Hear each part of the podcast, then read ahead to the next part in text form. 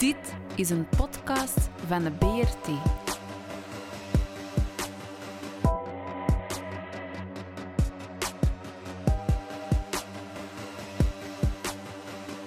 De Brabantse radio- en kleurentelevisie. Uh, goedendag beste luisteraars en welkom bij Brasserie Brabant, een podcast van de Brabantse radio- en kleurentelevisie. Ik ben nog steeds jullie host Christophe, de schijnhertog van Brabant. En natuurlijk heb ik ook vandaag weer ons vast meubilair bij ons in de brasserie. Dag Ramon en Rudiger, dag heren. Het meubilair groet u. Dag Christophe, dag Rudy. We zijn vandaag aan onze 51ste podcast die we met de Brabantse radio en kleurentelevisie hebben gemaakt. Toch al een schoon uh, resultaat, vind ik. En vandaag hebben we natuurlijk ook weer een interessante gast bij ons. We gaan vandaag zwanzen. En we doen dat met de auteur van een boek over zwanzen, Elian van den Ende. Goedendag, goedenavond. Messires gegroet. Alors on zwanze. Ouais, ouais. Alors on. Alors on. Alors on. Welkom in ons programma. En wij gaan het vandaag hebben over zwanzen. Maar Ja, wat is dat? Zwanzen voor onze luisteraars die dat dan niet zouden kennen. Alhoewel dat ik niet denk dat er niet veel zouden zijn dat zwanzen niet zouden kennen. Goh, dat is wel de vraag van 1 miljoen. Hè? Want een zwans definiëren is ontzettend moeilijk. Ja. Eén ding, zwanzen is niet zeveren. Want men denkt altijd dat die zwans dat dat platte volkse Brusselse humor is. Mhm. Dat is niet waar.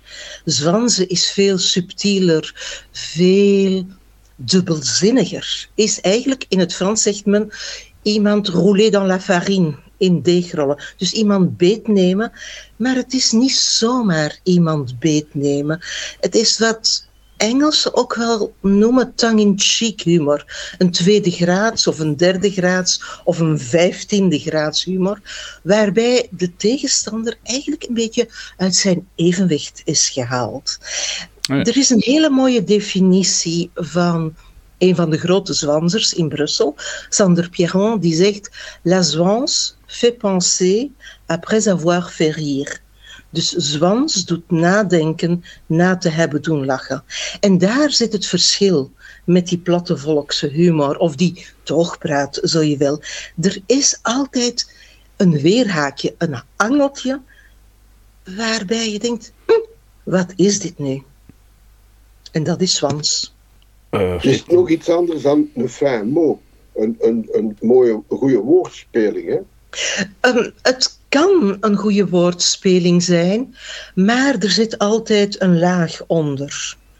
Ehm, het, is, het kan een hele fluxe repliek zijn, maar het is heel vaak een vorm van rebellie. En ik ga misschien, om het duidelijker te maken, ga ik twee voorbeelden geven. Want men zegt altijd, ja, zwans, dat is dat volkse. hè, Dat, die humor uit de Marollen. Ehm, wat ik gevonden heb in die 19e eeuw is een humor ook van de hogere klasse, van de betere klasse. Twee voorbeelden. 1914, Brussel wordt eh, belegerd, heel België wordt belegerd of veroverd door Duitsland. En de Brusselse ketten trekken naar het hoofdkwartier waar die Duitsers zitten. En ze doen dat met die Duitse ganzenpas. mhm. Als marionetten, als puchenellen, zouden we in Antwerpen zeggen. Dus die typische Duitse stap. Ja. En de Duitse officier komt eraan en die zegt, waarom maken ze dat? Nu, die ketten van de Marollen drentelen ter plaatse. Dus ze doen wel de pas, maar ze doen geen centimeter. Ze gaan zich geen centimeter vooruit. En zij zeggen, wij stappen naar Parijs. En om het nog helemaal erger te maken, hebben ze een hoedje op, een mouche. Dat kan een hoedje van papier zijn, dat kan een eh, nachtpot zijn, dat kan een, een oude hoed zijn. En bovenaan hebben ze er een wortel doorgestoken om eigenlijk de Duitse pinnekeshelm na te doen. Dat is een zwans van het volk. Daartegenover de burgemeester van Brussel, Adolf Max, had onderhandelingen met die Duitse overheid en met de Duitse officieren.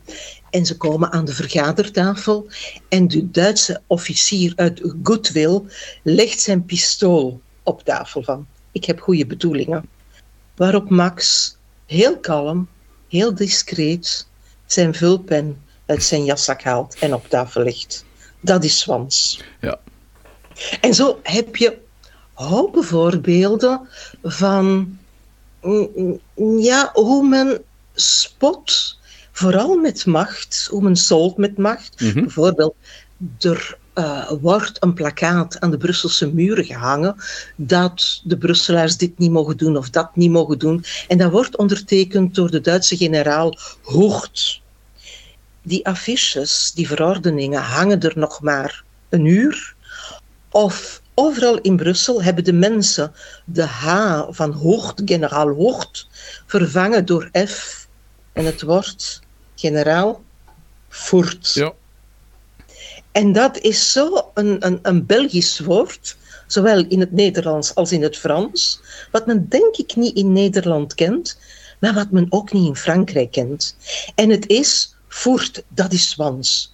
We doen eigenlijk onze goesting, ook al mogen we onze goesting niet doen. Ja, en is dat dan iets typisch voor eh, Brabant, voor België, voor, voor deze regio? Of? Ja, eigenlijk wel. En als je zo naar de verhalen gaat kijken, ehm, dan is het heel erg Belgisch. Mhm. Het woord zelf etymologisch is waarschijnlijk ja, uit het Diets-Duits, het is duidelijk Germaans, maar het wordt in de 19e eeuw overgenomen door de Fransen, die het woord nog altijd gebruiken. Faut pas zwanzer.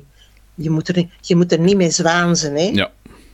Ehm, dus daar is het begrip eh, Germaans. Maar het bestaat ook in het Jiddisch.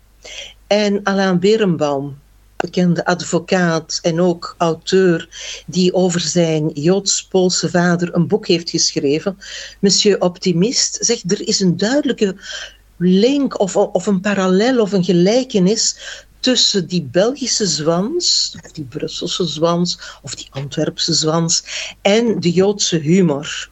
Want eigenlijk kan je het vergelijken met een waterzooi, met allemaal brokjes van al diegenen die hier in deze konterijen hebben geleefd. En daar nemen we al die bagage van over.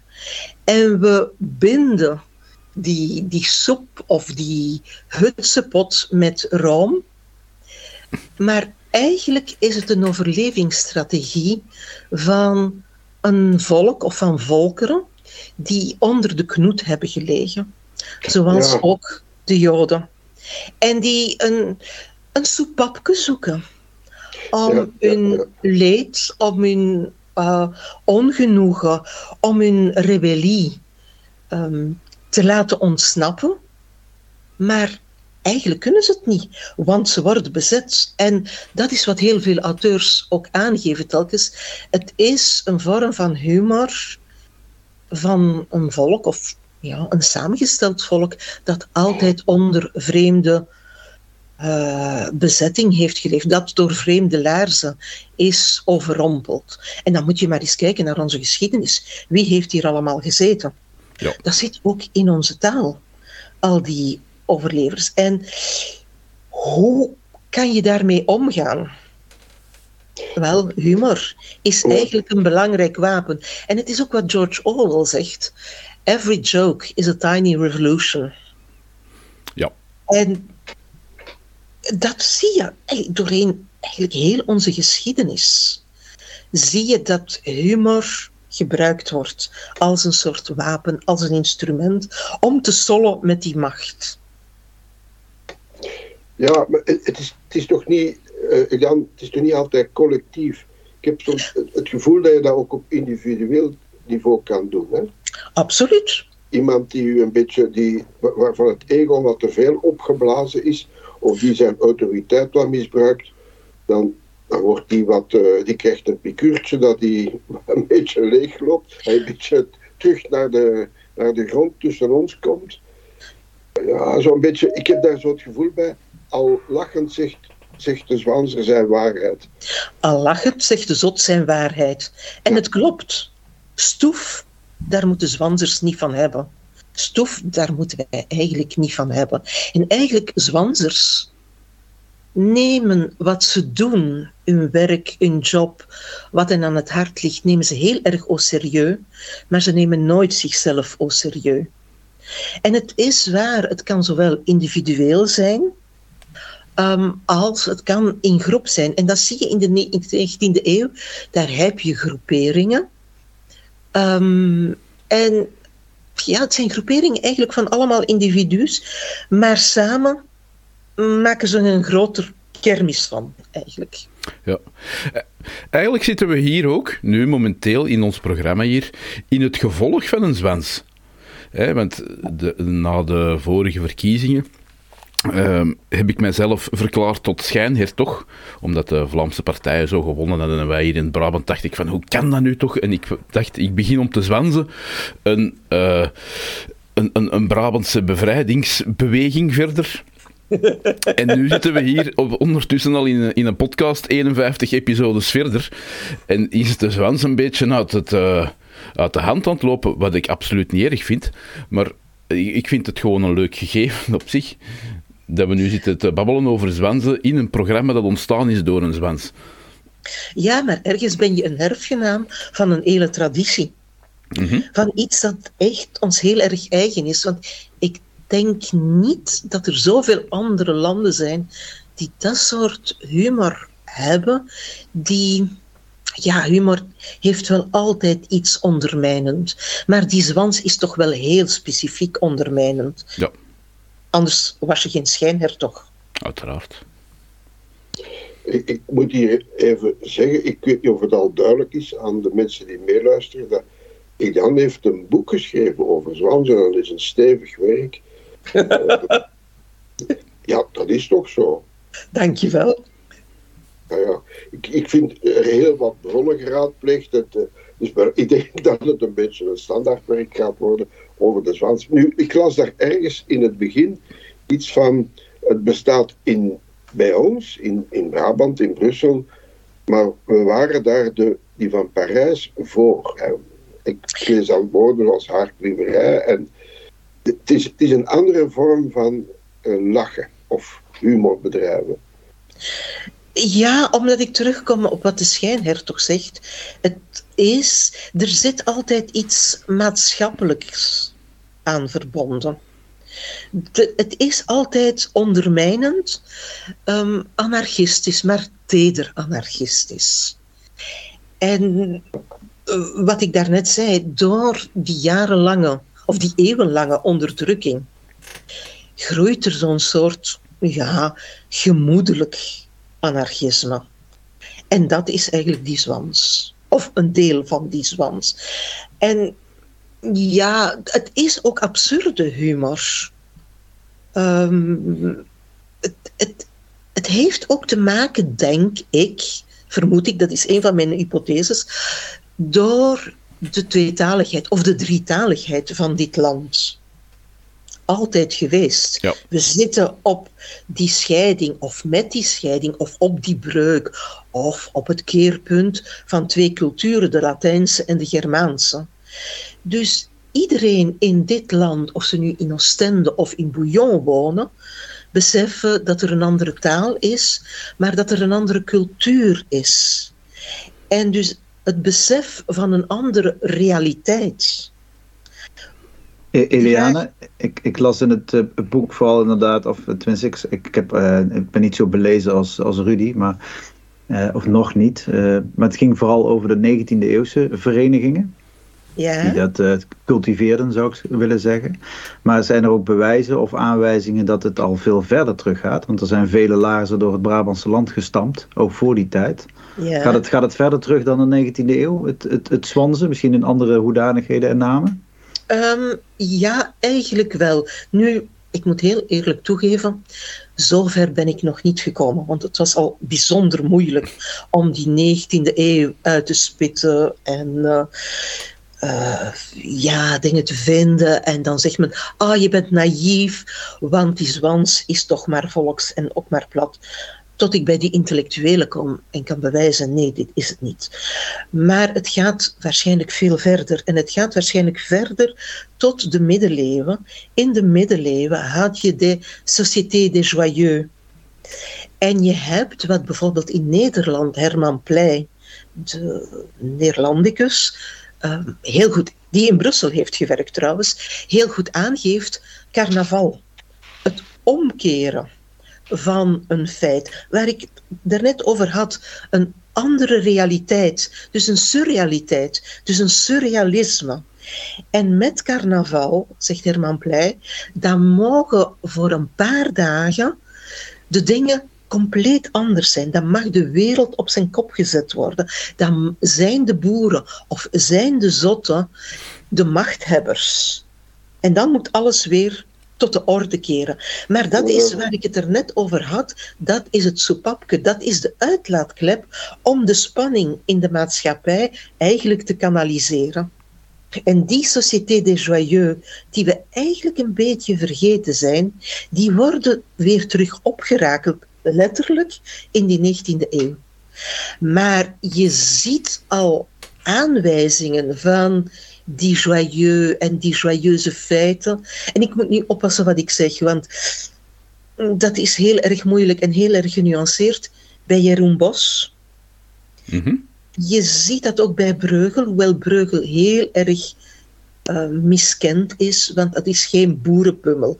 Dat is, integendeel, dat is een intellectueel. En er zijn er andere bij. Andere um, onderzoekers die daar veel beter kunnen over praten. Maar je ziet de soort humor als breekijzer, als instrument daar ook al zitten. Je... Ik, herken, ik herken het zeker ook vanuit het Noord-Brabants inderdaad. Je ja. noemt uh, Jeroen Bos natuurlijk al uit het uh, Den Bossen, maar als ja. ik kijk naar de tradities die, uh, die een beetje gestold zijn in het, in het carnaval, dat redelijk ja. losbarst ehm, in Zuid-Nederland. Daar zitten ook rituelen bij als de sleuteloverdracht. Hè? De burgemeester die het aan de stadsprins geeft, die het volk vertegenwoordigt en, en het feest van de omkering begint. Ja. Uh, het, is, uh, het is natuurlijk al een, een beetje kerkelijk om, omarmd allemaal, maar uh, dat, dat, is ook volgens mij van lieverlee. Maar uiteindelijk is het natuurlijk vooral een feest van de omkering en, en het volkse. Ja. Het zijn, in de middeleeuwen zijn het omkeringsrituelen. Absoluut. Ja. En je ziet het ook nog aan, de, aan de, de, de optochten en opstoeten, waar toch altijd de draak wordt gestoken met, uh, met, met wat er op dat moment actueel uh, speelt, of de politiek die, uh, van, van de lokaliteit. Ja. Dus daar wordt de draak mee gestoken. En dan, omdat het met humor is, kan het. Want als het anders op een andere manier gebracht zou worden, zou het niet serieus genomen worden. Maar doordat het iedereen raakt en iedereen daar de scherts mee kan drijven, is het, uh, het is bijna een soort democratische traditie die ver voor de democratie uit is gegaan. Hè? U mag onze bewindspersonen mag u, uh, bespotten. Ja. En zij moeten dat laten gebeuren. Ja, omdat je ook niet. Het is niet duidelijk. Moet je humor au serieus nemen of niet? En op die dubbelzinnigheid wordt er gespeeld. Ook de rederijkerskamers, die in de 15e, 16e eeuw bij ons heel erg belangrijk waren, ook in Noord-Nederland, in Noord-Brabant, denk ik. Maar zij speelden voor de kerk. En ook daar heb je het soort, ja, de balsem die over uh, maatschappelijk ongenoegen wordt um, ja, gedrapeerd om dat ongenoegen mm, ja, verdraaglijker te houden. Ik, ik weet niet of ik juist ben, maar je hebt zo een van de verhalen van Aesop, is uh, die van de boom en het riet, hè, waar de boom de eik heel stoer doet, maar wel bij een grote wind breekt. Het riet buigt en ik denk dat waar, als je als volk onder druk wordt, ja, dan heb je veel het ruisen van het riet. En dan zou je kunnen zeggen dat de zwans een vorm is van het ruisen van het riet. We Absoluut. ruisen, maar we breken niet. Hè. Ja, ja. Het is niet de echt opstand, hart tegen hart. Nee, we, we, we, buigen en we lachen en we ruisen. Ja, en we breken niet. Ja. Ik vind het ook een interessant fenomeen, Rudy. We hebben natuurlijk eerder een podcast opgenomen over Brabantse humor.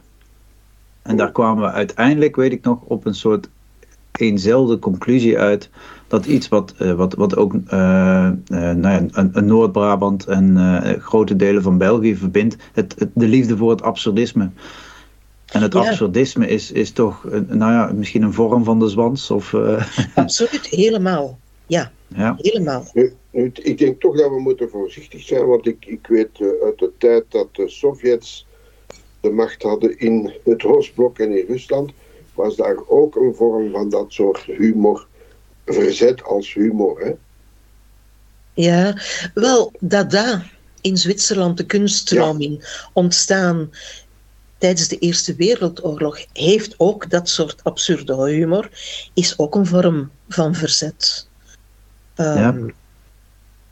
En ja, En, en mogen we daar de 19e eeuwse schertsliedjes eh, ook toerekenen? Ik, ik, ik- weet dat het in, België minder bekend is, maar een, een nummer als Hop, Marianneke Stroop in het kanneke, laten poppetjes dansen. Over de soldaten, Franse soldaten die, eh, die huis hebben gehouden, maar eh, over de schijnheiligheid van mensen en dat soort zaken. Kortjakje, altijd is kortjakje ziek. Het is toch dingen op de hak nemen die anders niet rechtuit gezegd kunnen worden. Ja, ja, eh, wel, eh, in, in Mechelen heb je het fenomeen van opsignorke. was een pop die op een laken naar omhoog werd gegooid.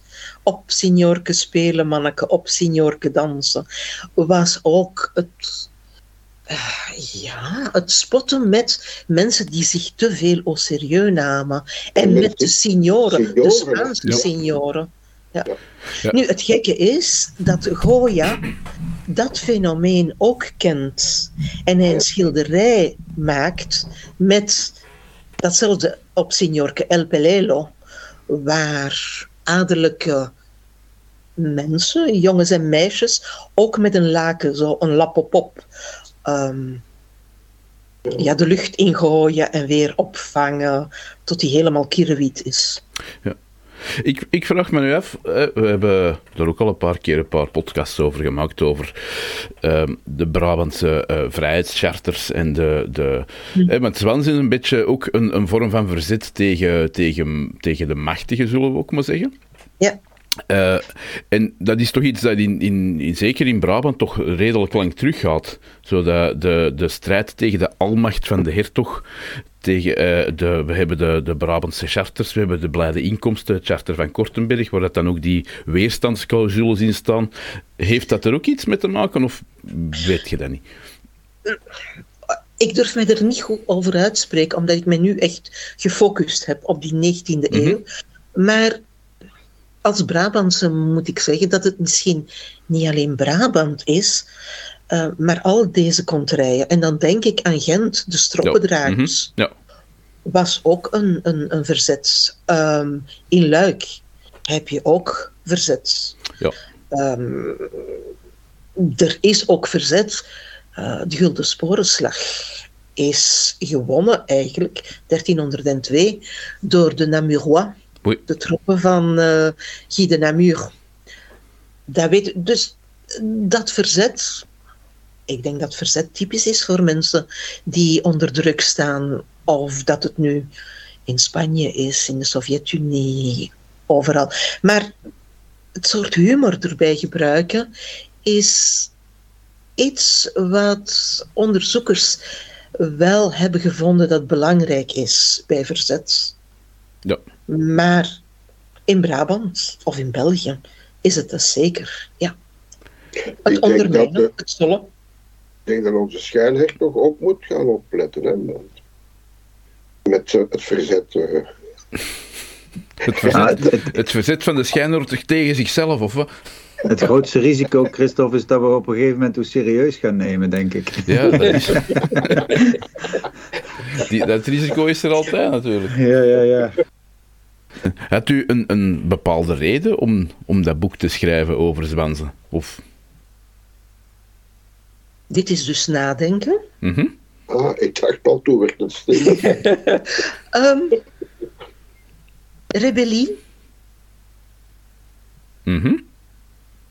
Ja, oké, rebellie, maar hoe, is dat, hoe komt er dan van rebellie tot op het gedacht van ik ga een boek schrijven over Zwanzen in de 19e eeuw? Ehm, wel, ik ben historicus van opleiding. Oké, dat is al. En wat mij boeit zijn verdoken fenomenen. En eh, wat in mijn opleiding aan de VUB in Brussel altijd belangrijk is geweest, is eh, die Franse school, l'École des Annales. En dat is studie van mentaliteiten. Ehm, dat is studie van percepties, dat is studie van ehm, ervaringen, van sensibiliteiten, ehm, dergelijke. Maar wat zit er aan de achterkant van de geschiedenis? Ik heb al een eerder boek geschreven over vrouwen die vergeten zijn in de geschiedenis. Ehm, en nu, die zwans is een fenomeen dat helemaal niet bekend is. Of tenzij, ja, het is die platte humor, hoempapa, hoempapa. Ja. Terwijl dat ik altijd heb gedacht, nee, er is meer. En ik kende een aantal van die verenigingen, heel vaag tot je gaat graven en echt bijna archeologisch onderzoek doen. En dan merk je dat daar een hele grote verbondenheid en dat er linken zijn met die geschiedenis. En dan vraag ik me af, waarom is dat zo verdoken gebleven? Ja, maar dat heb ik bij de Brabantse geschiedenis in heel veel gevallen. Dat je denkt van waarom is dat zo verdoken gebleven? En waarom is die nu zo? hè?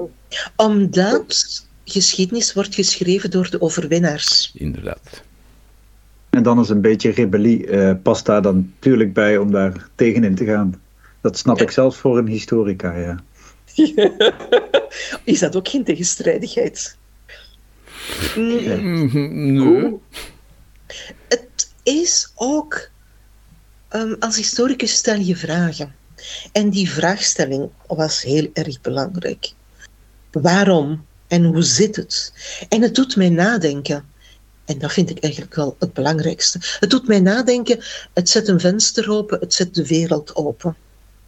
En het besef dat surrealisme of dat fenomenen nu niet van nu zijn, maar altijd een wortel hebben. Ja. Of wortels hebben. En dat zoals een boom wortels nodig heeft om naar de hemel te reiken, hebben mensen ook wortels nodig om te beseffen wie ze zijn. En die wortels moeten dan wel degelijk beschreven worden. En niet voor een stuk afgekapt. In het Frans zegt men dan à bon entendeur salut. Ja, eh, goede verstaander. eh, trekt hem die schoenen maar aan. Ja. Dan eh, wil ik de luisteraars te bedanken voor de aandacht in dit eerste deel, want er komt over dit onderwerp eh, Zwansen nog een tweede deel. Dat zal u binnenkort ook kunnen beluisteren op onze website brt.be, maar dat is b-r t.be of op Spotify of op eh, Google Podcast of op Anchor of op nog een aantal andere podcastplatformen zoals bijvoorbeeld het podcastplatform van de Standaard. Maar dan zie ik jullie over hetzelfde onderwerp volgende week terug. Allee, Bedankt en tot de volgende Bruxelles. keer. On se réveille.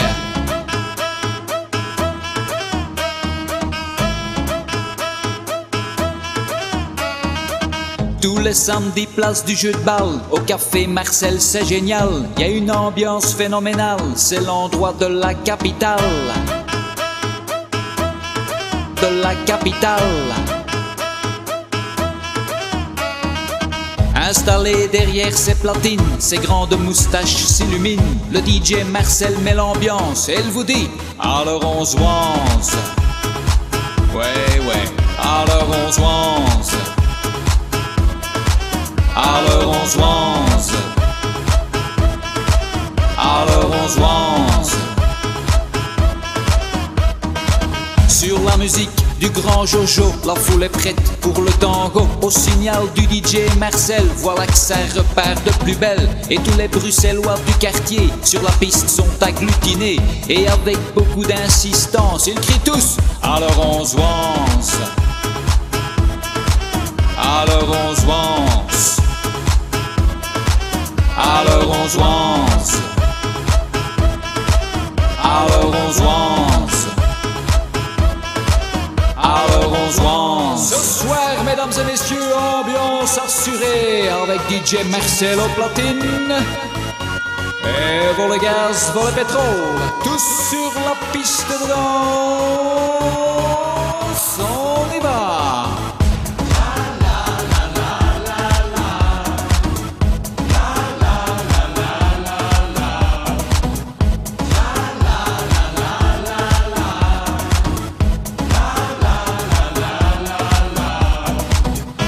Que le café de Marcel, on veut le démolir, c'est cruel. Et c'est toute une histoire de Bruxelles qui s'envole comme une étincelle. Mais heureusement, DJ Marcel, il a plus d'un tour, plus d'une ficelle. Et encore une fois en cadence, Marcel vous dit Alors on se lance. Ouais, ouais, Marcel. Alors on se lance. Allez, tous ensemble. Alors on se lance. Alors on se lance. Encore une fois. Alors on se lance.